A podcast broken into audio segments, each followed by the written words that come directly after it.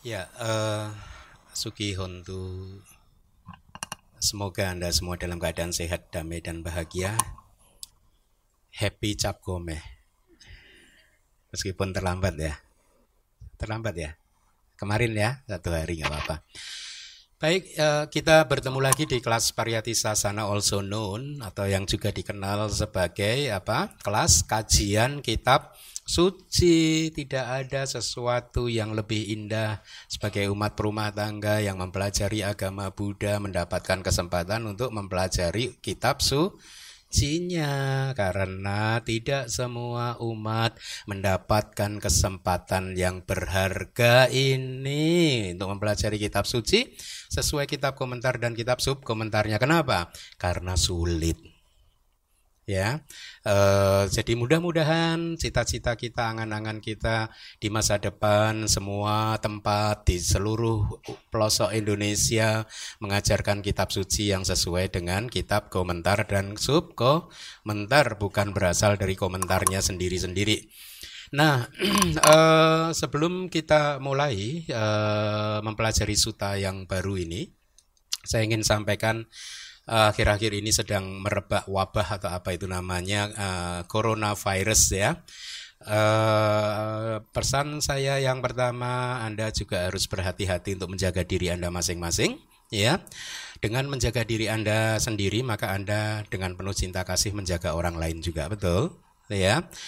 Uh, dengan cara yang demikian, kalau anda semua masing-masing menjaga diri anda sendiri-sendiri, ya, maka tidak hanya sebenarnya uh, dunia ini akan terbebas dari virus corona, tapi terbebas dari kemarahan, kebencian, perpecahan dan lain sebagainya. Kenapa? Karena masing-masing pihak sudah menjaga dirinya masing-masing kan?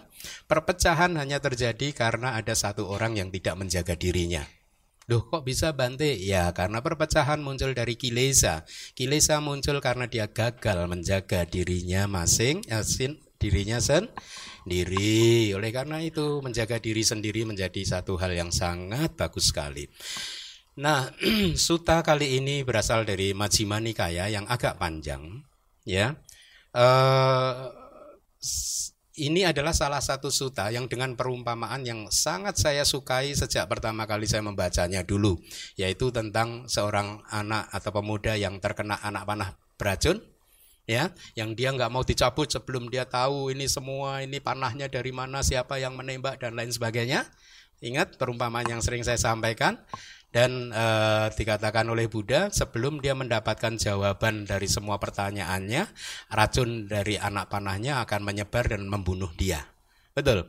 Nah poin atau pelajarannya adalah sering kali banyak orang banyak manusia yang menghabiskan kehidupannya hanya untuk mencari hal-hal yang tidak bermanfaat. Ya, misalkan apa? Oh, apakah benar saya ini diciptakan? Oh, apakah benar saya ini tidak diciptakan? Penting nggak sih? Hmm? Nggak penting, karena yang terpenting adalah kita sekarang terkena anak panah beracun, ya. Apakah kita diciptakan, apakah kita tidak diciptakan? Yang pasti kita ini udah lahir nanti akan jadi tua yang saya sekarang sudah.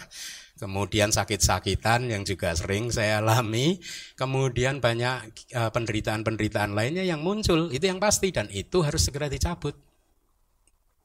Ya, makanya suta ini nanti akan memberikan arah yang uh, benar kepada Anda semua bahwa di dalam kehidupan ini ada tugas yang sangat penting yang harus segera dilakukan yaitu apa? Mencabut anak panah beracun, mencabut kilesa-kilesa tersebut. Oke, okay, ya. Nah, karena sutanya panjang, saya tidak bisa memprediksi apakah ini bisa saya selesaikan dalam satu kelas atau dua kelas, ya. Makanya saya tidak mau berpanjang lebar untuk introductionnya.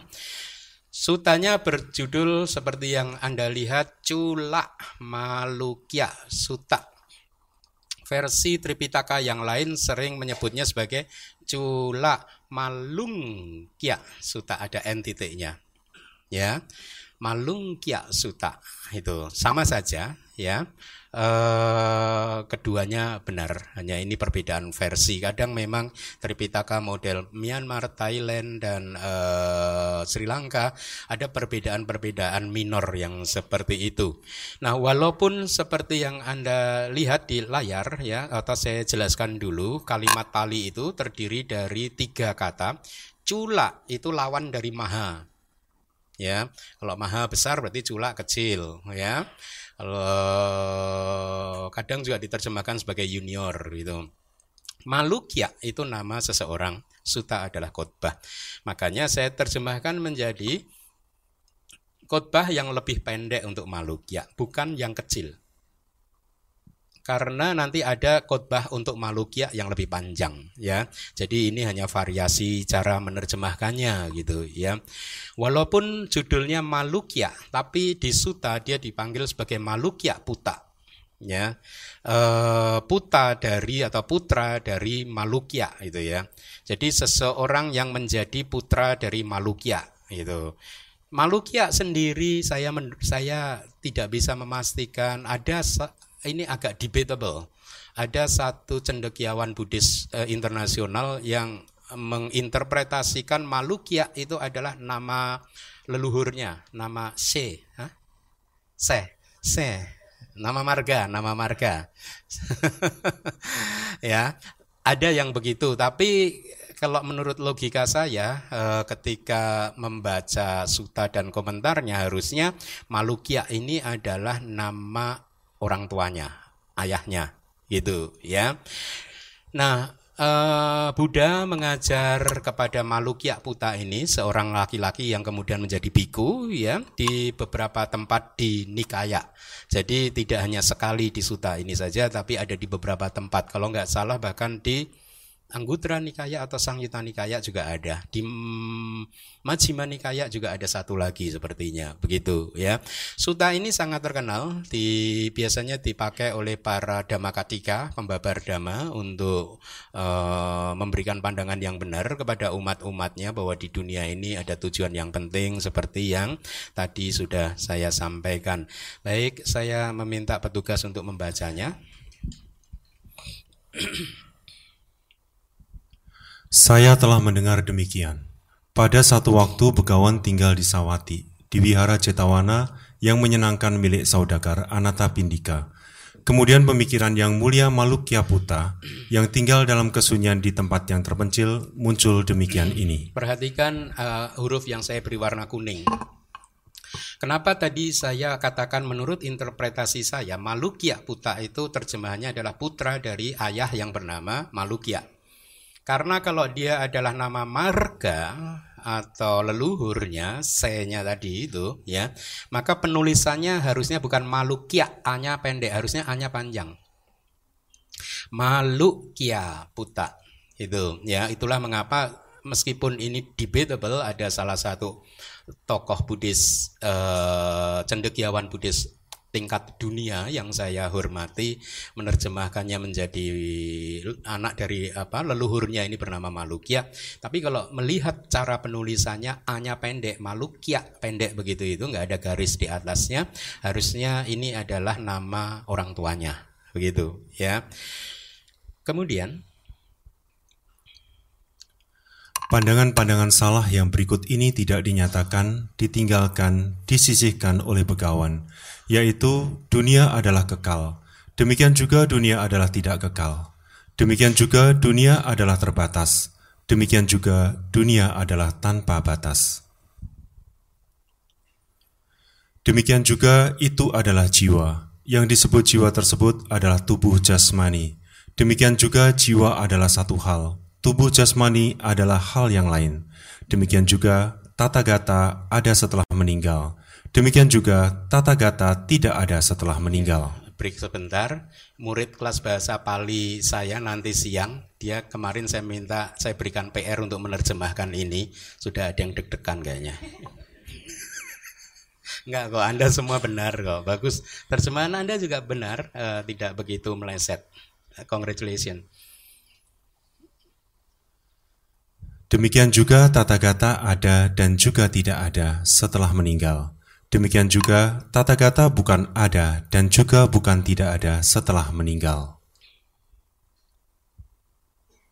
Pandangan-pandangan salah tersebut tidak dinyatakan oleh begawan kepada saya. Begawan tidak menyatakan pandangan-pandangan salah yang itu kepada saya. Saya tidak senang, dia tidak menjelaskannya kepada saya. Saya tidak setuju itu. Jadi ini Bantai Malukya Puta itu berpikir yang seperti itu. Kenapa Tata Gata atau Begawan tidak menjelaskan kepada saya dunia ini kekal, tidak kekal, berbatas, tidak terbatas. Tata Gata ada setelah parinibana atau tidak seperti yang ditanyakan dulu kan? Ya, memang tidak dijelaskan karena nggak penting. Ya, nanti Anda akan makin paham kenapa Tata Gata tidak menjelaskannya dan Anda akan mengapresiasi betapa uh, briliannya beliau itu. Setelah mendekat kepada begawan, saya akan menanyakan maksud dan tujuannya. Seandainya begawan menjelaskannya kepada saya demikian, dunia adalah kekal, atau dunia adalah tidak kekal, atau dunia adalah terbatas, atau dunia adalah tanpa batas. atau itu adalah jiwa. Yang disebut jiwa tersebut adalah tubuh jasmani, atau jiwa adalah satu hal, tubuh jasmani adalah hal yang lain, atau tata gata ada setelah meninggal, atau tata gata tidak ada setelah meninggal, atau tata gata ada dan juga tidak ada setelah meninggal. Atau tata gata bukan ada dan juga bukan tidak ada setelah meninggal, Apabila demikian, maka saya akan berlatih kehidupan suci di bawah bimbingan begawan. Seandainya begawan tidak menjelaskannya kepada saya. Iya, ini ancamannya. Kalau Buddha menjelaskan, maka saya tetap mau jadi muridnya. Kalau enggak, nanti Anda lihat saya akan lepas jubah. Ya, diancam uh, Budanya. Dunia adalah kekal atau dunia adalah tidak kekal. Dan seterusnya atau... gitu aja ya. Disingkat ya, ini mirip kok diulangi lagi kok. Ya atau tata kata tidak ada setelah meninggal, atau tata kata ada dan juga tidak ada setelah meninggal, atau tata kata bukan ada dan juga bukan tidak ada setelah meninggal. Apabila demikian, maka setelah menolak latihan, saya akan lepas jubah. Yeah. Di kitab komentar yang lain saya mencoba untuk search gitu ya karena kebetulan uh, begitu tertarik apa ada terminologi saya akan lepas jubah itu. Kemudian kata palinya saya search muncul di mana saja kalimat itu. Ternyata di kitab komentar di Risuta yang lain ada penjelasan begini. Hina ya watati, hina ya lama kaya kihi bahwa ya awatati artinya lepas jubah itu adalah kembali ke status sebagai orang awam yang rendah dan buruk. Maaf ya. Makanya Anda masih ingat cerita saya tentang bukan cerita saya, cerita dari Myanmar tentang bekas biku itu. Masih ingat ya, ex mang itu, ya. Uh, dan ini terjadi di Myanmar salah satu tim saya yang akan membantu kita nanti untuk membuat itu untuk uh, uh, ya menerjemahkan Nisea itu salah satunya adalah Eksmang bekas biku. Dan memang diterangkan kalau di Myanmar kalau yang Eksmang begitu dia malunya itu nggak ketulungan. Tapi ya terpaksa tetap saja harus lepas jubah karena kalah dengan nafsu-nafsu indriawinya kan? Nah salah satunya adalah Eksmang yang yang yang juga berpendidikan tinggi. Dia sedemikian rupa malunya sampai di Facebooknya tidak ada satupun satupun foto dia tapi dia aktif di Facebook gitu, cuman nggak ada fotonya gitu. Nah dia aktif dan dia juga setiap kali rapat juga uh, tidak mengikutinya begitu. Ya karena mungkin itulah. Kalau di Myanmar seperti itu mereka akan kayak mendapat hukuman sosial dianggap gagal gitu kan. Dianggap gagal tidak bisa menjadi biku. Makanya terjemahannya begitu. Kembali ke status yang rendah dan buruk. Maaf ya maaf maaf. Memang ini ini seperti itu gitu Kemudian Yang Mulia Malukya Buta di petang hari ketika telah bangkit dari kesunyian, mendekat ke tempat di mana begawan berada. Setelah mendekat dan menyembah dengan penuh rasa hormat, dia duduk di tempat yang sepantasnya. Ketika telah duduk di tempat yang sepantasnya, Yang Mulia Malukya Buta berkata ini kepada begawan. Di sini wahai Bante, ketika tinggal dalam kesunyian di tempat yang terpencil, Pemikiran yang berikut ini muncul di batin saya. Pandangan-pandangan salah yang berikut ini tidak dinyatakan, ditinggalkan, disisihkan oleh begawan, yaitu dunia adalah kekal. Dan seterusnya ya kita lewati saja untuk menghemat waktu. Kemudian Tata Gata tidak menyatakan pandangan-pandangan salah yang itu kepada saya. Saya tidak senang, dia tidak menjelaskannya kepada saya. Saya tidak suka itu. Setelah mendekat kepada begawan, saya akan menanyakan maksud dan tujuannya. Seandainya begawan menjelaskannya kepada saya demikian. Dunia adalah kekal. Ya, kita lewati ya karena terulang lagi ya. Kemudian ya Seandainya Begawan mengetahui dunia adalah kekal, mohon Begawan menjelaskannya kepada saya bahwa dunia adalah kekal. Seandainya Begawan mengetahui dunia adalah tidak kekal, mohon Begawan menjelaskannya kepada saya bahwa dunia adalah tidak kekal. Jadi ini ini yang mulia uh, Malukya Putak langsung berkata kepada Buddha berhadapan-hadapan begitu. Kalau Begawan tahu mohon jelaskan, kalau enggak tahu ya mohon katakan bahwa uh, uh, bahkan bahkan uh, tidak tahu kalau tidak tahu katakan tidak tahu Seandainya begawan tidak mengetahui dunia adalah kekal atau dunia adalah tidak kekal, tentu bagi seseorang yang tidak mengetahui, bagi seseorang yang tidak melihat, langsung saja katakanlah itu, saya tidak mengetahui, saya tidak melihat. Seandainya Begawan mengetahui dunia adalah terbatas, mohon Begawan menjelaskannya kepada saya bahwa dunia adalah terbatas. Seandainya Begawan mengetahui dunia adalah tanpa batas, mohon Begawan menjelaskannya kepada saya bahwa dunia adalah tanpa batas. Seandainya Begawan tidak mengetahui dunia adalah terbatas atau dunia adalah tanpa batas, Tentu bagi seseorang yang tidak mengetahui, bagi seseorang yang tidak melihat, langsung saja katakanlah itu, saya tidak mengetahui, saya tidak melihat. Jadi itu berlangsung terus dengan poin-poin yang tadi tentang pandangan-pandangan salah yang saya rasa juga tidak perlu dibaca ulang lagi ya. Kira-kira begitu. Kalau tahu katakanlah tahu, kalau tidak mengetahuinya katakanlah tidak mengetahuinya begitu ya. Nah, eh, selanjutnya bentar ini supaya waktu kita ini uh, ini masih yang sama. Nah, ini sekarang Buddha menjawab setelah Malukya Buta eh, Bante tadi mengungkapkan satu persatu pandangan salahnya dengan poin kalau Buddha mengetahui katakanlah mengetahui kalau tidak katakanlah bahwa Buddha tidak mengetahuinya maka ini jawaban Buddha yang sangat brilian. Lalu bagaimana wahai Malukya Buta? Apakah saya pernah berkata demikian kepada kamu? Kamu kemarilah, wahai Malukya Puta. Jalanilah kehidupan suci di bawah bimbinganku. Aku akan menjelaskannya kepadamu.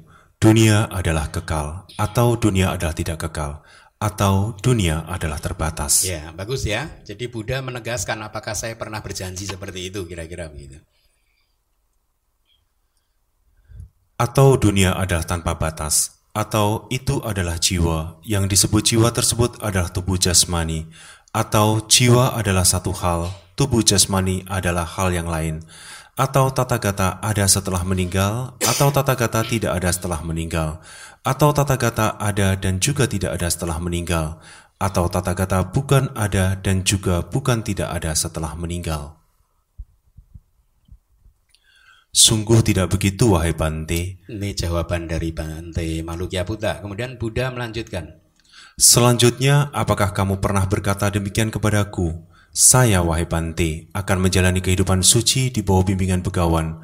Begawan akan menyata, menyatakan kepada saya, dunia adalah kekal atau dunia adalah tidak kekal. Pertanyaan keduanya begitu. Jadi ketika kamu tadi uh, dulu menjadi biku, apakah ada permintaan seperti itu? Bahwa saya minta ditahbis itu dengan catatan Pak Begawan menjelaskan dunia adalah kekal dan tidak kekal dan seterusnya. Itu ya. Kita lewati saja karena terulang lagi. Uh, ya. Silakan. Aku akan menjelaskannya kepadamu. Dunia adalah kekal atau dunia adalah tidak kekal atau dunia adalah terbatas atau dunia ya, adalah tanpa batas. Stop. Jadi Buddha meneruskan tadi apakah pada waktu itu juga saya menjawab akan menjelaskan kepadamu seperti itu begitu ya. Kita loncati lagi karena terulang kemudian Saya, wahai Bante, akan menjalani kehidupan suci di bawah bimbingan begawan. Begawan akan menyatakan kepada saya, dunia adalah kekal atau dunia adalah tidak kekal, atau dunia adalah terbatas atau dunia adalah tanpa batas, atau itu adalah jiwa yang disebut jiwa tersebut adalah tubuh jasmani. Jadi ini masih perkataan dari begawan. Atau jiwa adalah satu hal, tubuh jasmani adalah hal yang lain, atau tata kata ada setelah meninggal, atau tata kata tidak ada setelah meninggal, atau tata kata ada dan juga tidak ada setelah meninggal, atau tata kata bukan ada dan juga bukan tidak ada setelah meninggal. Dalam keadaan yang demikian itu, wahai laki-laki yang sia-sia, siapakah kamu dan kamu menolak siapa? Jadi kan dijelaskan oleh Buddha, saya tidak pernah berjanji, ketika kamu jadi biku kemari jadi murid saya saya akan jelaskan itu tadi di sisi yang lain kamu juga waktu mau jadi biku juga tidak pernah mengajukan syarat ini, Bante habiskanlah saya, tapi dengan syarat saya harus dijelaskan masalah dunia ini kekal dan lain-lain dan seterusnya. Tidak ada perjanjian itu. Lalu Buddha mengatakan dalam keadaan yang seperti itu tidak ada apa-apa begitu, tidak ada perjanjian apa-apa. Wahai laki-laki yang sia-sia. Jadi ini adalah istilah Buddha untuk merujuk kepada seseorang yang sudah tidak bisa dibimbing, sulit untuk dibimbing ya. Artinya eh, bukan berarti dia akhirnya tidak bisa mencapai pencerahan. Sering diterjemahkan jadi laki-laki yang bodoh begitu, tapi itu terlalu keras juga ya. Eh, siapa kamu dan kamu itu sebenarnya mau menolak siapa gitu. Ya, artinya kalau mau lepas jubah itu menolak siapa orang itu ininya kamu sendiri, bukan dari saya, begitu kira-kira ya. Ini dari Buddha lagi. Wahai Malukya Buta, siapa pun yang berkata demikian, saya tidak akan menjalani kehidupan suci di bawah bimbingan begawan selama begawan tidak menyatakannya kepada saya. Dunia adalah kekal, atau dunia adalah tidak kekal, dan seterusnya. Atau tata kata bukan ada dan juga bukan tidak ada setelah meninggal. Pandangan salah tersebut tetap tidak dinyatakan oleh tata kata, wahai Malukya Buta, Kemudian dalam keadaan yang seperti itu, laki-laki tersebut pun harus mati. Artinya sampai mati pun juga tidak akan dijelaskan oleh Buddha gitu. Sampai dia mati. itu kira-kira begitu. Nah, akan menjadi jelas ketika Buddha menggunakan perumpamaan yang berikut ini. Misalkan wahai Malukya Buta, seorang laki-laki tertembak oleh sebatang anak panah yang dilumuri dengan bisa yang sangat kuat. Teman-teman dan kenalan-kenalan, kerabat-kerabat, dan saudara-saudara kandung menghadirkan seorang dokter bedah untuk dia. Laki-laki tersebut kemudian berkata demikian. Saya tidak akan mencabut anak panah ini selama saya tidak mengetahui laki-laki tersebut, yang olehnya saya tertembak. Apakah dia adalah seorang satria atau brahmana, atau waisya atau sudra? Laki-laki tersebut kemudian berkata demikian. Saya tidak akan mencabut anak panah ini selama saya tidak mengetahui laki-laki tersebut yang olehnya saya tertembak. Demikianlah nama dia, demikianlah klan dia. Laki-laki tersebut kemudian berkata demikian, saya tidak akan mencabut anak panah ini selama saya tidak mengetahui laki-laki tersebut yang olehnya saya tertembak. Apakah dia berbadan tinggi atau pendek atau sedang? Laki-laki tersebut kemudian berkata demikian, saya tidak akan mencabut anak panah ini selama saya tidak mengetahui laki-laki tersebut yang olehnya saya tertembak. Demikianlah nama dia, demikianlah klan dia. Laki-laki tersebut kemudian berkata demikian. Saya tidak akan mencabut anak panah ini selama saya tidak mengetahui laki-laki tersebut yang olehnya saya tertembak. Apakah dia berkulit hitam atau berkulit sawo matang atau berkulit kuning langsat? Laki-laki tersebut kemudian berkata demikian. Saya tidak akan mencabut anak panah ini selama saya tidak mengetahui laki-laki tersebut yang olehnya saya tertembak. Apakah dia tinggal di desa yang bernama X atau di kota kecil, kota pasar yang bernama Y atau di kota besar yang bernama Z? Laki-laki tersebut kemudian berkata demikian. Saya tidak akan mencabut anak panah ini selama saya tidak mengetahui busur panah tersebut yang melaluinya saya tertembak adalah busur biasa atau busur silang. Laki-laki tersebut kemudian berkata demikian. Saya tidak akan mencabut anak panah ini selama saya tidak mengetahui tali busur panah tersebut, yang melaluinya saya tertembak, terbuat dari serat atau bilah bambu yang tipis, atau urat atau tali rami atau kulit pohon. Laki-laki tersebut kemudian berkata demikian. Saya tidak akan mencabut anak panah ini selama saya tidak mengetahui batang anak panah tersebut, yang melaluinya saya tertembak adalah dari belukar atau dari tanaman yang ditanam. Laki-laki tersebut kemudian berkata demikian. Saya tidak akan mencabut anak panah ini selama saya tidak mengetahui batang anak panah tersebut. Yang melaluinya saya tertembak. Memiliki bulu yang berasal dari bulu burung yang mana? Apakah bulu burung bangka atau bulu burung kuntul? Atau bulu burung raja wali? Atau bulu burung merak? Atau bulu burung bangau. Laki-laki tersebut kemudian berkata demikian, "Saya tidak akan mencabut anak panah ini selama saya tidak mengetahui batang anak panah tersebut, yang melaluinya saya tertembak, dibungkus dengan menggunakan urat binatang, yang mana? Apakah urat lembu atau urat kerbau, atau urat binatang yang mengerikan atau urat monyet." Laki-laki tersebut kemudian berkata demikian, saya tidak akan mencabut anak panah ini selama saya tidak mengetahui anak panah tersebut, yang melaluinya saya tertembak. Apakah dibuat seperti tombak, atau dibuat seperti silet, atau dibuat seperti daun telinga, atau dibuat dari besi, atau dibuat dari gading gajah muda, atau berbentuk seperti kepiting.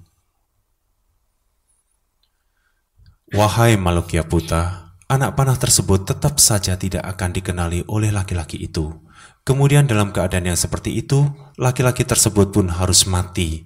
Demikian juga wahai Malukya Puta, siapa pun yang berkata demikian, saya tidak akan menjalani kehidupan suci di bawah bimbingan begawan selama begawan tidak menyatakannya kepada saya. Dunia adalah kekal atau dunia adalah tidak kekal, dan seterusnya. Atau tata kata bukan ada dan juga bukan tidak ada setelah meninggal. Pandangan salah tersebut tetap tidak dinyatakan oleh tata kata, wahai Malukya Buta. Kemudian dalam keadaan yang seperti itu, laki-laki tersebut pun harus mati. Dunia adalah kekal bukan karena adanya pandangan salah yang seperti itu, wahai Malukya Buta. Penghidupan di dalam kehidupan suci akan pernah ada, juga yang demikian dunia adalah tidak kekal, bukan karena adanya pandangan salah yang seperti itu, wahai Malukya Buta. Penghidupan di dalam kehidupan suci akan pernah ada. Paham nggak maksud Anda? Uh, kehidupan suci itu bahasa palinya Brahma Charya. Di kitab komentar dari yang lain, Brahma Charya atau kehidupan suci dijelaskan begini.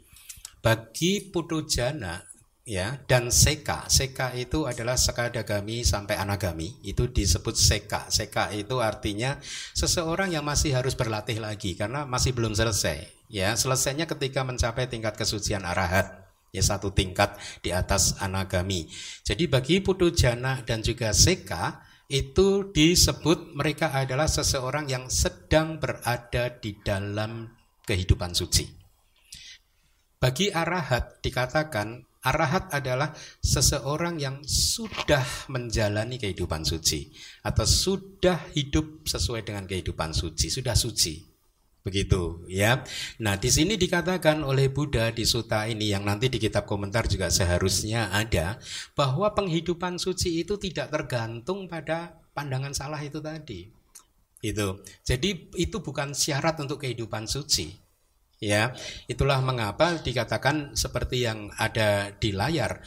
Justru selama pandangan salah ini tidak ditinggalkan, seseorang tidak akan bisa suci tidak akan bisa menjadi seorang sotapana dan sakadagami itu uh, anagami dan arahat begitu. Ya itu maksudnya. Jadi pandangan salah ini ya, uh, bukan karena adanya pandangan salah ini maka ada penghidupan suci ada kehidupan suci. Tidak. Justru kehidupan suci ada setelah ini semua ditinggalkan. Itu maksudnya ya. Demikian juga wahai makhluk ya puta dengan ada atau tidak adanya pandangan salah yang demikian, dunia adalah kekal atau dunia adalah tidak kekal. Yang pasti ada kelahiran, ada penuaan, ada kematian. Ada kesedihan, ratap tangis, kesakitan, duka cita, dan kepedihan yang mendalam yang kepada siapa pun aku nyatakan kehancurannya di dalam kehidupan yang di sini dan saat ini juga. Betul, ingat-ingat, ini kuncinya, ya mau dunia ini kekal atau mau dunia ini tidak kekal, mau Anda itu diciptakan atau Anda menciptakan Anda sendiri, semuanya itu sebenarnya nggak penting. Itu hanyalah uh, justru kalau Anda memahami hal-hal seperti itu tadi itu adalah pandangan salah gitu ya.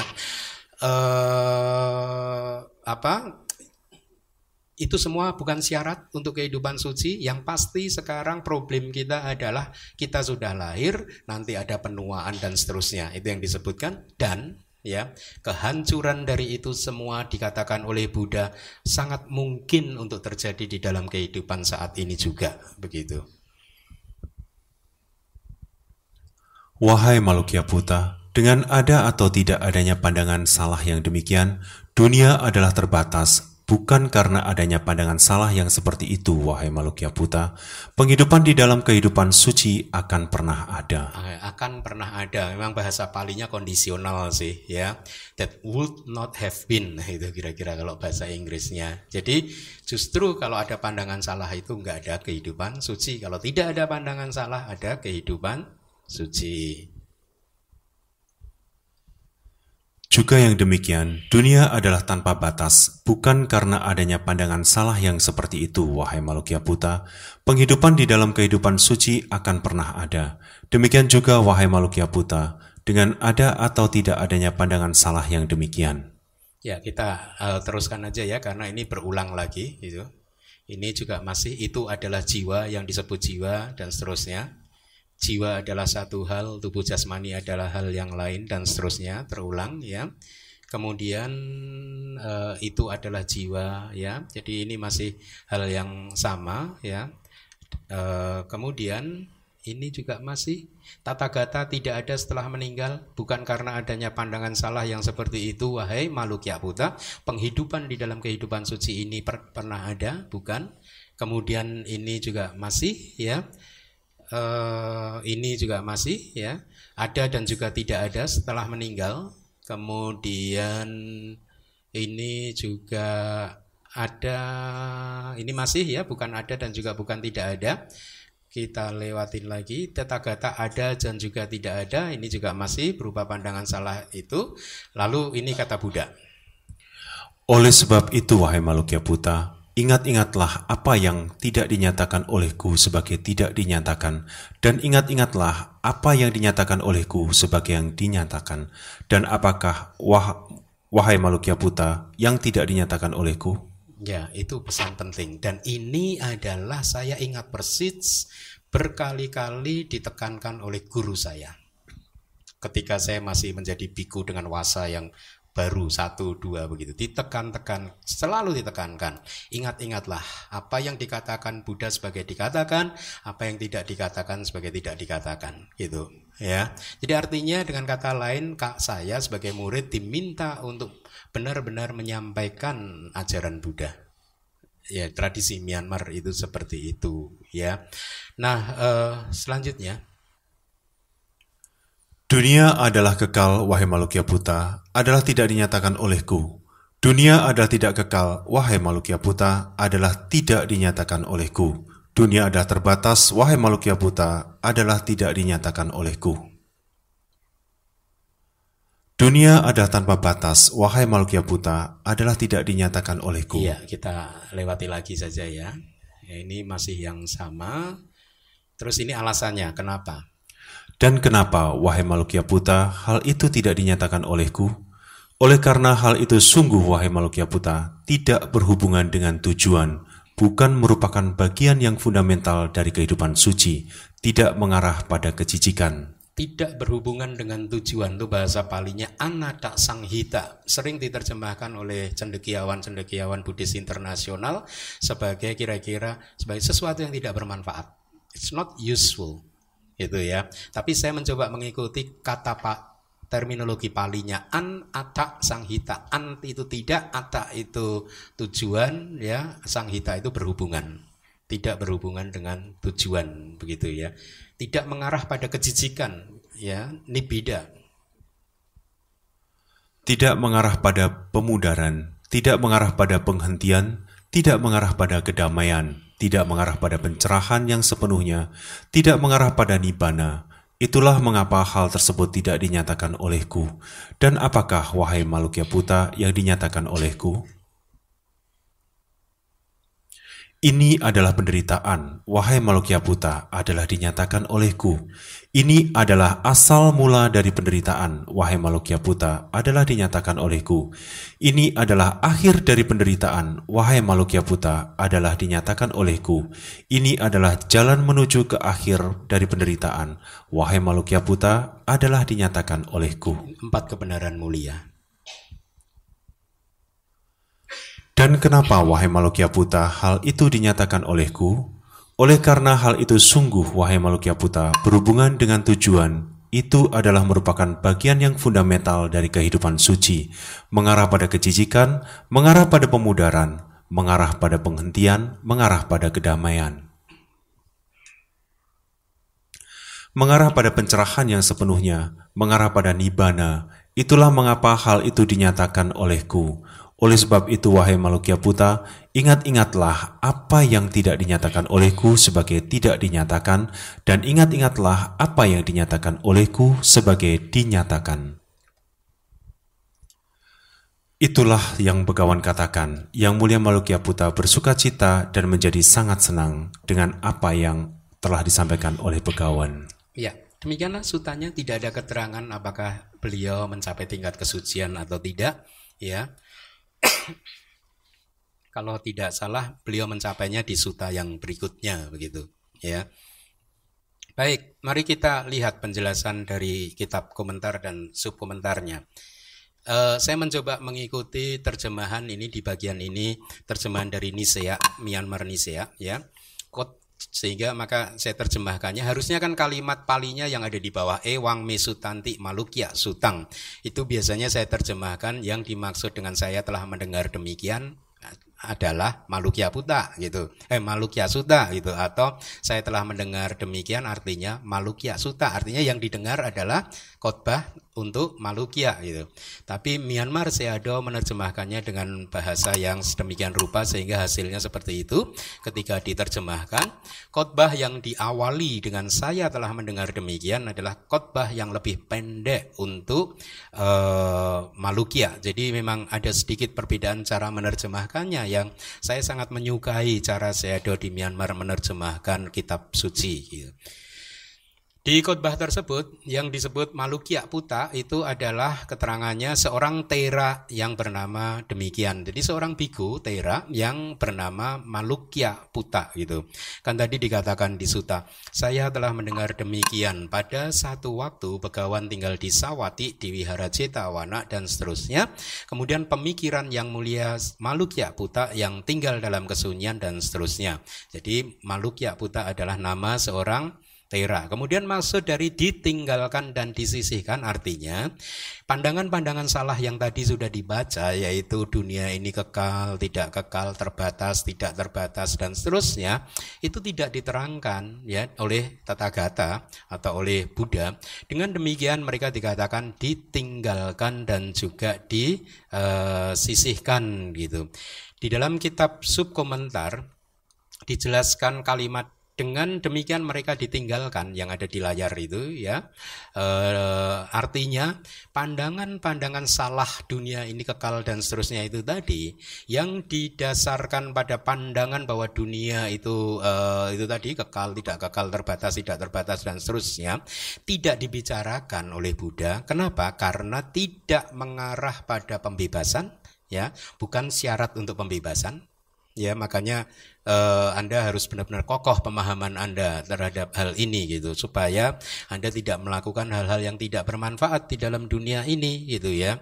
Dalam kaitannya dengan damak yang pantas untuk diletakkan uh, demikian itu maka mereka ditinggalkan dan juga dalam kaitannya dengan sasana yang mengarah pada pembebasan gitu uh, mereka tidak uh, bermanfaat untuk itu maka mereka disisihkan karena memang itu semua pantas untuk di buang gitu. Jadi ingat bahwa semua yang diajarkan Buddha itu penting Betul.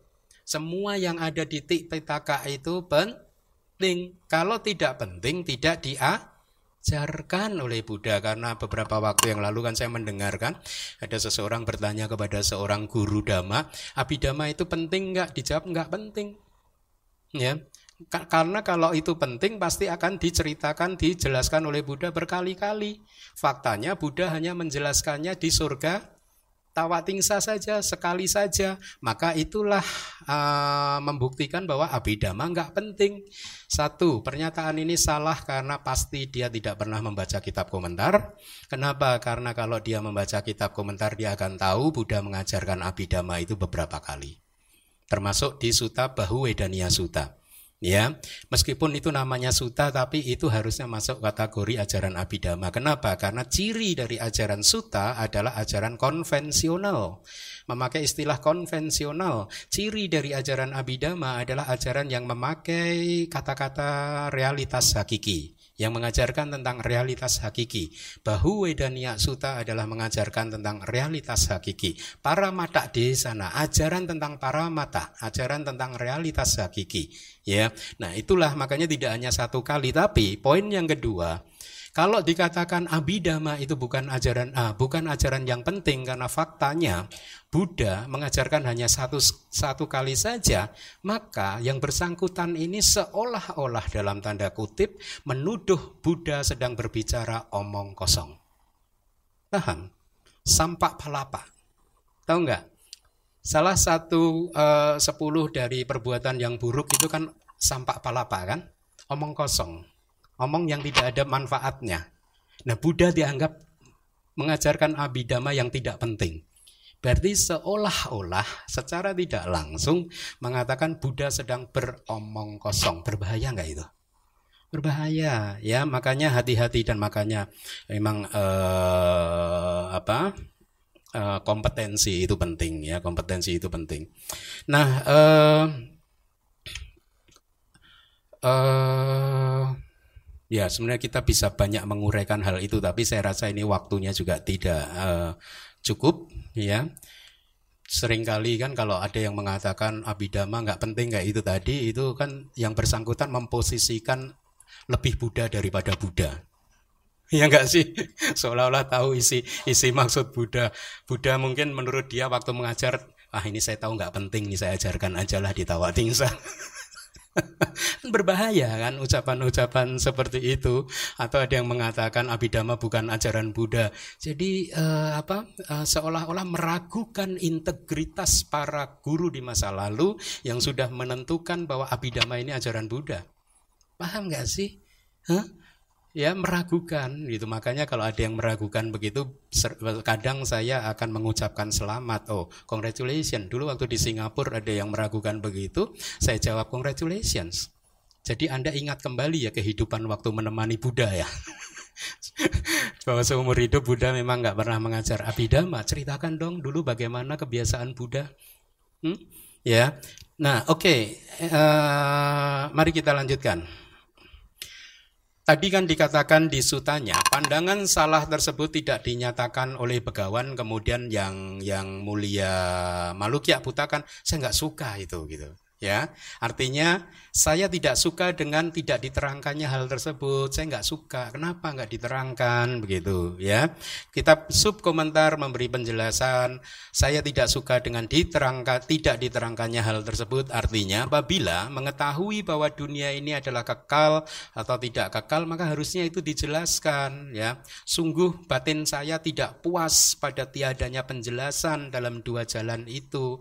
Jadi ini sekali lagi kadang ada kejadian-kejadian yang benar-benar terjadi tetapi tidak sempat dimasukkan di suta sebagai gantinya dimasukkannya di kitab komentar atau di kitab subkomentar. Ya ini yang semuanya harus tahu di Indonesia ini. Makanya kemarin saya izinkan DPS untuk mengeluarkan cuplikan ceramah uh, singkat saya yang judulnya apa? Budisme di Indonesia titik dua stunting tanda tanya lo ya. Anda nggak tahu nggak sih stunting itu? Telat tumbuh, kurang gizi. ya. Nah, mari kita lanjutkan. Di dalam kalimat kekal, tidak kekal, dan seterusnya, kata kekal artinya adalah selama-lamanya atau dalam tanda kurung abadi. Ya, makanya saya baru saja terfikirkan nibana itu sering diistilahkan dengan kata Pali akmata, deathless, sering diterjemahkan tanpa kematian. Sebenarnya ada kata yang lebih tepat daripada tanpa kematian, keabadian. Bagus loh ini. Karena ini adalah kata yang termasuk a big word for spiritualis untuk orang-orang yang yang yang mengejar spiritualitas yang teman-teman saya dulu 20 tahun yang lalu yang bertapa di sana dia mengejar keabadian itu itu istilah untuk nibana gitu nah eh, empat jadi kekal adalah untuk selama-lamanya atau abadi artinya permanen stabil tidak bercirikan perubahan. Empat ajaran tentang kekekalan sasata wada ditunjukkan dengan kalimat itu. Artinya itu merujuk kepada empat ajaran tentang pandangan salah tentang kekekalan yang ada di Brahma Jala Sutta. Tidak kekal artinya tidak abadi. Artinya adalah tidak selama-lamanya, tidak stabil dan fana. Dalam hal tidak kekal, ajaran tentang pemusnahan ditunjukkan dengan mengecualikan keadaan yang kekal. Ini masih Brahma Jala Sutta juga ya. Jadi ada tujuh ajaran tentang pemusnahan di sutta tersebut. Kalau Anda ingin mengetahuinya, dengarkan kembali ceramah saya di YouTube tentang Brahma Jala Sutta, tentang 62 pandangan salah. Terbatas, ini menarik. Terbatas ini artinya dunia ini membentuk semacam lingkaran. Gitu ya, dengan ukuran yang dibatasi, ada garis luarnya ya. Artinya adalah dia tidak mencapai ke segala penjuru ya. Ada pembatasnya sehingga membentuk sesuatu gitu. Seperti lampu itu anda lihat lampu ini kan ada pembatasnya sehingga terlihat seperti bu bulat. Jadi pandangan salah yang mengatakan dunia ini terbatas itu seperti itu tadi terbatas eh, kalau mengatakan bumi ini terbatas mungkin gitu ya. Tapi kalau dunia kan tidak hanya mencakup bumi, tapi apa pun itu masuk dalam kategori pandangan salah ya. Tata gata ada setelah meninggal artinya tata gata ini dianggap seperti jiwa itu katakanlah ya. Jadi yang eksis selama-lamanya setelah meninggal pun masih ada. Dia dianggap sebagai diri, sebagai roh ya. Sejak dari kematian, sejak dari terurainya tubuh jasmani yang ini kemudian beliau ada di kehidupan yang berikutnya. Ada di atas gitu. Disebutkan ada di atas sana gitu. Artinya adalah tata gata ada eksis setelah meninggal. Yang dimaksud di sini adalah merujuk kepada 16 ajaran tentang keabadian makhluk ada di Brahma Jala Sutta juga yang saya ringkaskan saja ya. Istilah palinya sanyi wada. Juga merujuk kepada delapan ajaran tentang keabadian makhluk. Keabadian makhluk tanpa disertai kesadaran. Aksanyi wada. Juga merujuk kepada delapan ajaran tentang keabadian makhluk. Bukan beserta dengan kesadarannya. Bukan pula tanpa disertai kesadaran. Newasanyi wada. Ya, jadi itu merujuk kepada 62 pandangan salah yang diajarkan di Brahma Jala Sutta. Artinya apakah tata gata tidak ada? Tidak ada itu artinya tidak eksis, tidak ditemukan, ya. Itu pun juga termasuk pandangan salah. Ajaran di sini merujuk kepada ajaran pemusnahan. Kalau tidak ada berarti musnah. Salah juga itu gitu. Ya. Eh Kemudian ada dan juga tidak ada, artinya eksis dan juga tidak eksis. Ini adalah kekekalan parsial. Ekaca sasata wada. Jadi kekekalan sebagian saja ada di Brahma Jala Sutta. Salah satu dari 62 pandangan salah. Tata kata bukan ada dan juga bukan tidak ada artinya sungguh dengan kalimat itu ajaran tentang pengelakan tanpa akhir diperlihatkan seperti belut itu loh. Dia licin, dia nggak bisa dipegang. Kadang ada, kadang nggak ada gitu. Kira-kira begitu. Selanjutnya, oleh karena itu tidak mengarah pada pembebasan, itu semua tadi, pemahaman-pemahaman tersebut yang adalah tidak berhubungan dengan tujuan, semuanya itu tidak dinyatakan oleh begawan. Merujuk pada tidak dinyatakannya hal itu, Malukia Tera berkata, saya tidak suka itu, gitu.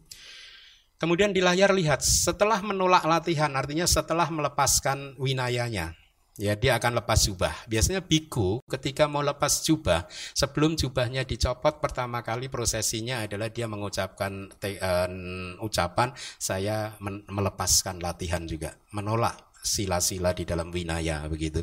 Ya. Artinya kitab tiga atau sub komentar menjelaskan setelah melepaskan latihan yang telah diambilnya, winaya yang telah diambilnya, dia lepas jubah, tidak mau berlatih lagi di dalam dhamma dan winaya. Kemudian kan Buddha berkata tadi, kan dibalik sama Buddha kan, ya apakah dulu kalau ketika kamu mau menjadi biku, kamu pernah bertanya kepada saya mensyaratkan bahwa saya harus menjelaskan ini semua dan seterusnya tadi, kan dijawab tidak, tidak ada perjanjian seperti itu. Lalu Buddha mengatakan, apabila demikian, ya maka setelah menolak latihan saya akan lepas jubah itu kata eh, Malukya Buddha kemudian Buddha siapa kamu? Dan kamu itu menolak siapa? Gitu. Artinya adalah sungguh seseorang yang meminta bisa saja menolak siapa yang dia minta. Kalau anda meminta sesuatu kemudian orang tersebut memberi apa yang anda minta anda bisa menolaknya. Kalau anda merasa itu tidak cocok gitu. Atau seseorang yang diminta bisa saja menolak seseorang yang meminta. Artinya saya diminta jadi biku kok. Ya, bisa saja dia menolak. Nah ini dia nggak meminta, dia juga tidak diminta. Itu. Jadi bagaimana ini siapa kamu dan kamu menolak siapa? Akan tetapi kamu bukanlah seseorang yang meminta di kitab komentar dan juga bukan seseorang yang diminta untuk jadi biku, bukan meminta jadi biku, bukan pula diminta jadi biku. Lalu sekarang kamu siapa dan kamu menolak siapa? Kitab sub komentar menjelaskannya, kamu bukanlah seseorang yang meminta dengan berkata, jadi ini hanya menegaskan saja, menjelaskan lebih jelas lagi uh, seolah-olah uh, Biku Bante Malukya Buta berkata, saya akan menjalani kehidupan suci di bawah bimbingan Begawan dan seterusnya. Dengan catatan Begawan akan menjelaskan itu semua tadi pandangan-pandangan salah itu tadi. Dan juga bukan kamu juga bukan seseorang yang diminta melalui perkataan wahai Malukya Puta jadilah biku kalau dalam kitab sub komentarnya kira-kira uh, terjemahnya begini kamu jalani kehidupan suci di bawah bimbinganku dan aku akan menjelaskan itu semua. Itu semua tidak ada, ya. Kesepakatan itu semua tidak ada. Nah, makanya kemudian Buddha mengatakan ini, wahai Malukya Puta, ya. Itu semua tadi nggak penting. Ya, siapa pun yang berkata demikian, saya tidak akan menjalani kehidupan suci di bawah bimbingan begawan selama begawan tidak menyatakannya kepada saya dunia adalah kekal dan seterusnya dan seterusnya. Eh, uh, pandangan salah tersebut tetap tidak akan dinyatakan wahai makhluk Kiaputa oleh Tata Gata. Kemudian dalam keadaan yang seperti itu, laki-laki tersebut pun harus mati. Dan kemudian Buddha menggunakan perumpamaan yang seorang laki-laki tertembak anak panah itu tadi. Ya, Anda lihat di layar tertembak untuk dia dalam kalimat tersebut artinya dia tertembak kenapa? Karena berdiri di antara bala tentara orang lain. Ini hanya penjelasan dari uh, kitab komentar. Jadi untuk Anda bayangkan kalau dua kubu berperang, satu orang berada di dalam pasukan lawannya ya dia gampang tertembak begitu. Ya. Nah, karena berdiri di antara bala tentara orang lain, kitab sub komentar menjelaskannya laki-laki itu berdiri di bala tentara musuh gitu ya. Tadi dijelaskan anak panahnya itu dilumuri dengan bisa yang sangat kuat, artinya dilumuri dengan bisa yang sangat tebal. Terus tadi dipanggilkan seorang tabib, penjelasannya adalah itu adalah seorang dokter ahli bedah, artinya seseorang yang ahli untuk mengiris kulit yang terluka oleh anak panah itu tadi. Seseorang juga yang mengajarkan cara memasukkan benang ke luka akibat anak panah, mungkin menjahitnya begitu ya. Jadi gitu. Nah tadi juga disebutkan di sutanya dia ingin tahu terlebih dahulu apakah tali busurnya itu terbuat dari serat ini dan serat itu ya serat itu artinya uh, dari kupasan nah, menarik sih. Kupasan kulit pohon widuri saya sampai harus buka kamus besar bahasa Indonesia. Biduri baiduri biduri atau widuri gitu ya. Saya ini dari kecil sampai sebelum jadi biku adalah orang matematis. Setelah jadi biku jadi orang bahasa. Cita-cita itu memang selalu nggak tercapai. ya, jadi kupasan kulit pohon widuri dibuat menjadi tali busur atau dari bilah bambu yang tipis, irisan bambu yang tipis gitu ya. Mereka membuat tali busur dan seterusnya. Jadi ini hanya penjelasan untuk tadi pertanyaan-pertanyaan e, dari laki-laki tersebut tentang anak panah, busur dan tali busurnya begitu ya. Nah,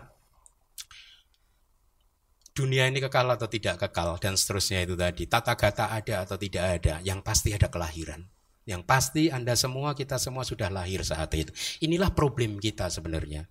Ya, inilah anak panah yang tertancap ke kita, yang harus segera dicabut. Paham? Dan untuk mencabutnya tidak ada syarat Anda tahu bahwa Anda itu diciptakan, tidak diciptakan, dunia ini kekal, tidak kekal, terbatas, tidak terbatas, tata kata ada tidak. Enggak, itu bukan syaratnya. Makanya tadi dikatakan itu semua pandangan-pandangan salah itu bukan syarat fundamental untuk kehidupan suci nggak penting itu ya. Ya mau syarat-syarat yang di luar itu nggak penting. Atau secara ringkas untuk mempermudah Anda mengingat-ingatnya di luar jalan mulia berunsur delapan itu sesungguhnya nggak begitu penting. Ya jalan mulia berunsur delapan. Makanya Buddha itu kan hanya mengajarkan duka dan berhentinya duka akhir dari duka. Itu kan?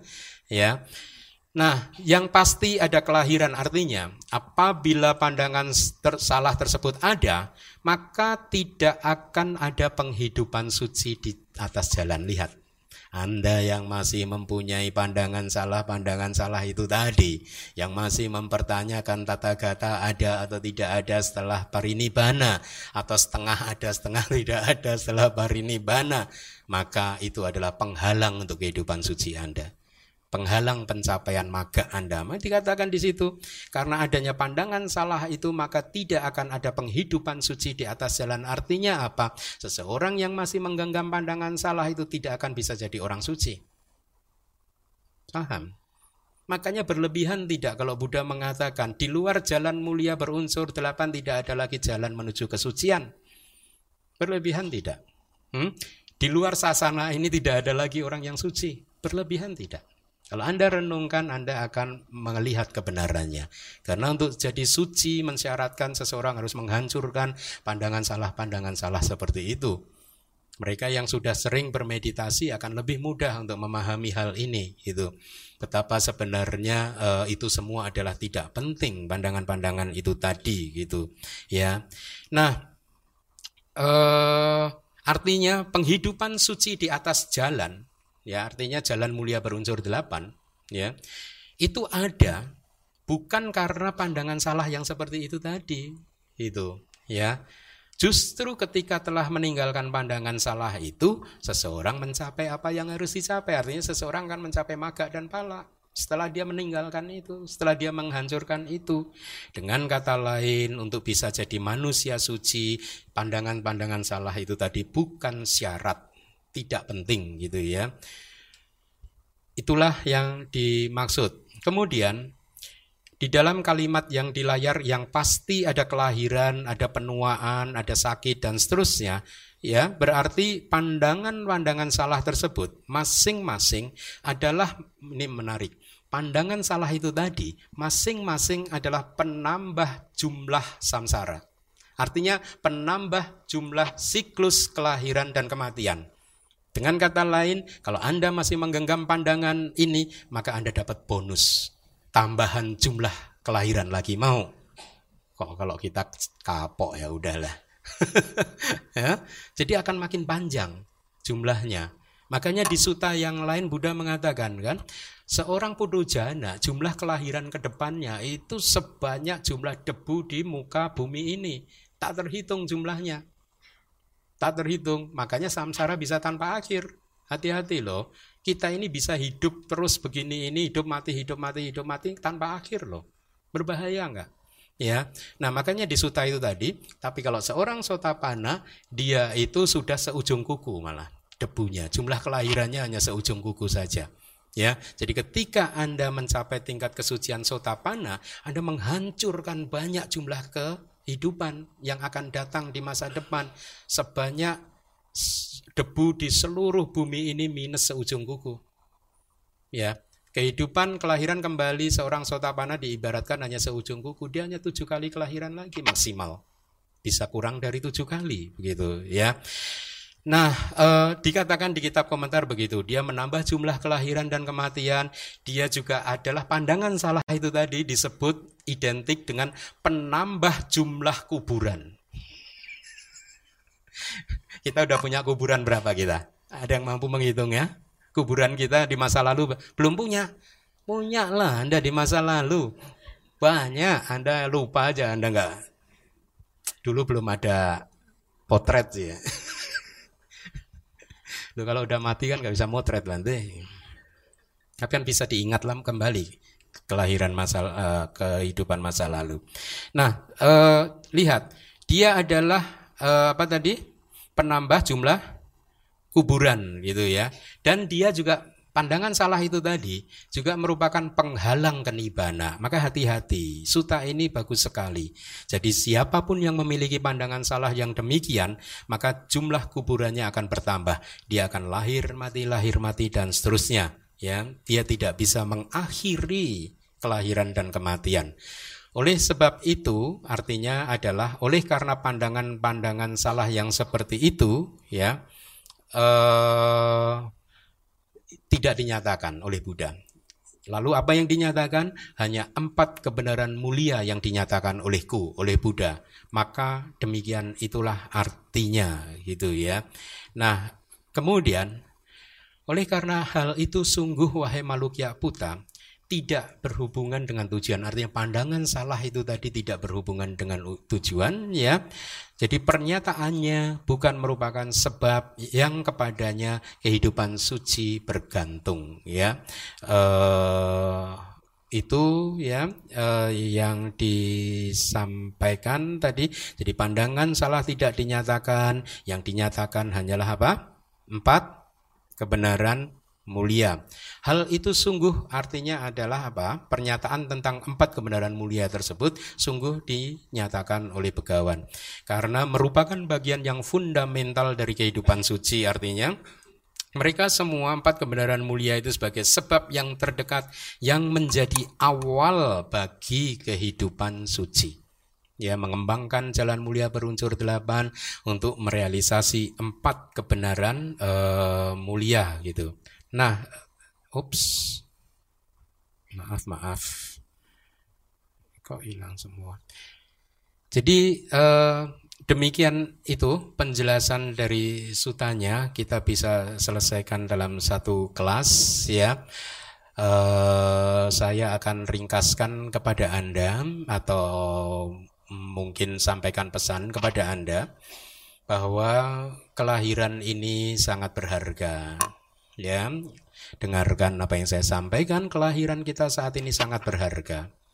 Sedemikian berharganya dengan perumpamaan bahkan bagi putu jana ya seseorang yang masih awam belum mencapai pencerahan sedemikian berharganya sedemikian rupa sehingga bahkan seandainya pun seseorang itu tidak menyukai kehidupannya saat ini untuk dapat kehidupan yang seperti ini lagi nanti setelah ini itu pun susah bagi seorang putu jana, apaya itu seperti rumahnya, kata Buddha. Apaya, tahu nggak? Ya, eh, apaya itu empat alam yang tanpa kebahagiaan, neraka, peta, asura, binatang. Ya, bagi seorang putu jana, empat kelahiran, bumi kelahiran ini ibaratnya seperti rumah. Seperti layaknya Anda yang mempunyai rumah, Anda dikatakan kalau di suta ini ya, seseorang akan lebih banyak tinggal di rumah. Hanya sesekali dia pergi keluar sebentar saja, kemudian kembali lagi ke rumah. Oh, apa ya itu seperti rumah, Bante? Bagus, Bante. Karena saya udah jarang pulang ke rumah, Bante. saya jarang pulang ke rumah. Jadi kembali lagi, Buddha mengibaratkan seperti itu.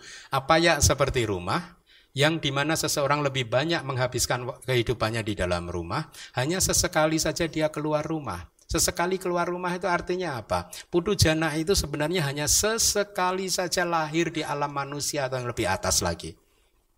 Sekali-sekali aja. Ya, oleh karena itu treasure it, jagalah kehidupan Anda, hargailah kehidupan Anda yang saat ini dengan cara apa? Pariyati, jadilah seorang damak wihari Saya ulangi lagi. Anda paham nggak sih artinya damak wihari itu? Damak wihari adalah seseorang yang belajar pariyati dan juga praktek meditasi. Jadi tidak hanya berhenti di belajar pariyati saja tapi tidak praktek meditasi. Sebaliknya juga tidak hanya yang bermeditasi saja tapi tidak belajar. Tapi dua, belajar dan berlatih. Ada yang mengatakan nggak perlu belajar. Eh, perlu nggak sih belajar apa langsung meditasi saja? Ya kalau ini ya apa kalau Anda bisa meditasi ya nggak perlu belajar. Benar. Anda harus menangkap kalimat itu secara utuh. Kalau Anda meditasi terus, ya nggak usah belajar. Karena yang akan ngajarin Anda guru Anda. Nah, tapi kan ditangkapnya kayak tadi, eka tak wada tadi. Sebagian ditangkap saja. Loh, itu kata guru A nggak nggak belajar nggak apa-apa. Iya, tapi kan syarat dan kondisinya ada. Anda harus meditasi terus. Hmm? Kan agama Buddha bukan agama teori, jadi nggak perlu belajar. Iya, kalau Anda meditasi nggak perlu belajar. Tapi daripada pengong di rumah, ngerumpi, ya toh, ngomongin tetangga, ngomongin temen, aktif di medsos, kan lebih baik belajar. Ya, dengan demikian kehidupan Anda menjadi dhammato wudi kata palinya, berkembang atau tumbuh sesuai dengan tumbuh berdasarkan dhamma. Ya, tumbuh sesuai dengan dhamma. Ya, manfaatkanlah kelahiran kali ini yang sangat sulit didapat dengan menjadi seseorang yang tumbuh sesuai dengan dhamma. Baik, terima kasih.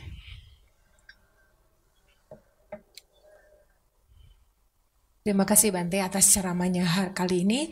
Uh, bagi kalian Mita yang ingin bertanya, dipersilahkan.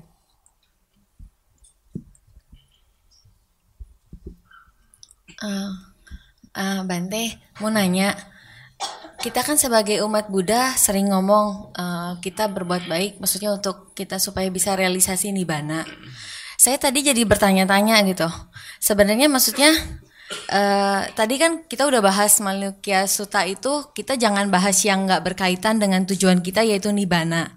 Tadi saya tertarik sekali kata-kata Bante yang katanya nibana itu diartikan dengan tanpa kematian awalnya kan, lalu katanya jadi diartikan uh, indah dengan kata keabadian. Saya jadi bertanya lagi, uh, kan kita sering bilang bahwa eh, sering mendengar bahwa segala sesuatu yang berkondisi adalah tidak kekal.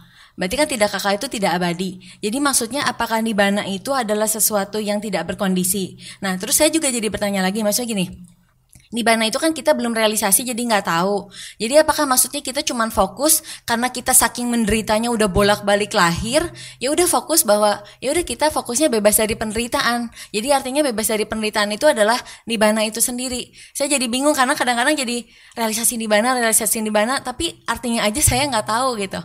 Makasih Bante mohon penjelasannya. Iya, di salah satu hmm, kitab saya lupa di kitab yang mana itu. Ada perumpamaan seperti ini. Uh, seekor ikan dan kura-kura yang hidup di danau ya. Pada suatu hari mereka bersahabat sejak kecil selama bertahun-tahun katakanlah begitu hidup di danau berdua saja. Uh, pada suatu hari minggu yang cerah si kura-kura minta izin pada ikannya, saya akan jalan-jalan sebentar ke atas, ke daratan. Kemudian ikannya mengizinkan, silahkan gitu. Setelah kura-kura keluar meninggalkan ikan di danau sendirian, dia berjalan-jalan di daratan. Sore hari kura-kuranya masuk kembali ke danau dan bertemu dengan ikan. Ikannya langsung bertanya, "Bagaimana daratan di sana? Menyenangkan tidak?" Kemudian airnya jernih atau tidak? Lebih jernih mana air di daratan sana sama di danau ini? Kura-kuranya menjawab, di daratan tidak ada air. Ikannya ngotot, mana ada tempat nggak ada air. Semuanya itu harus ada air. Gitu, ya. Kemudian kura-kura menjelaskan enggak, tapi di daratan nggak ada air. Sam, sam sampai sedemikian rupa sehingga ikan tetap tidak bisa memahami bahwa di dalam kehidupan ini ada tempat yang tidak ada airnya sama sekali. Ini menunjuk eh, merupakan perumpamaan yang sangat bagus untuk menjelaskan kepada seseorang yang belum memahami nibana pasti seperti ikan yang memahami daratan tadi. Mau dijelaskan susah. Ya karena belum dialami. Ya, paling bisa disebutkan nibana adalah uh, raga kea, dosa kea, moha kea, Nibana adalah kehancuran dari nafsu, kehancuran dari kebencian, kehenci, kehancuran dari delusi.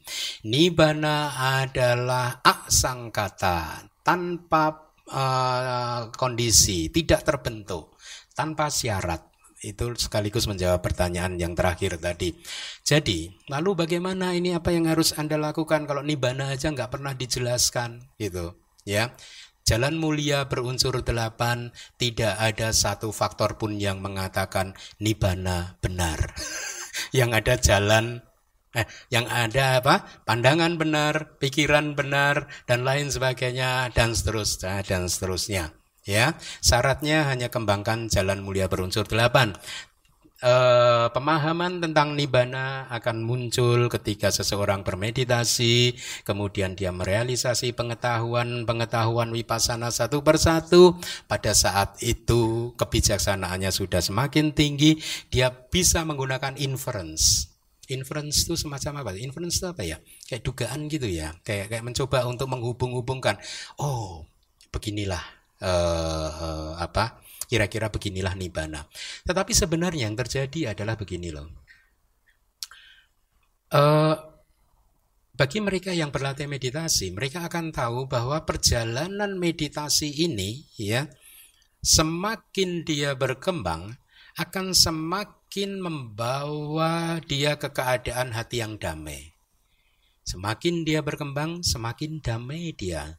Ya, ketika kedamaiannya itu apa perkembangannya itu sudah masuk ke dalam uh, pengetahuan wipasana tertentu misalkan sangkar rupeka nyana. Kalau di kitab komentar dijelaskan mereka yang mencapai sangkar rupeka nyana itu diibaratkan uh, mereka sebenarnya se sudah mengalami kualitas hati atau kualitas batin seorang arahat. Meskipun hanya sesaat saja. Di situ dia akan yakin bahwa jalan ini adalah jalan benar. Karena ketika mengalami sangkar UPK nyana, dia mengalami satu kedamaian yang sangat stabil yang tentu saja itu diidam-idamkan oleh semua uh, orang yang bijaksana.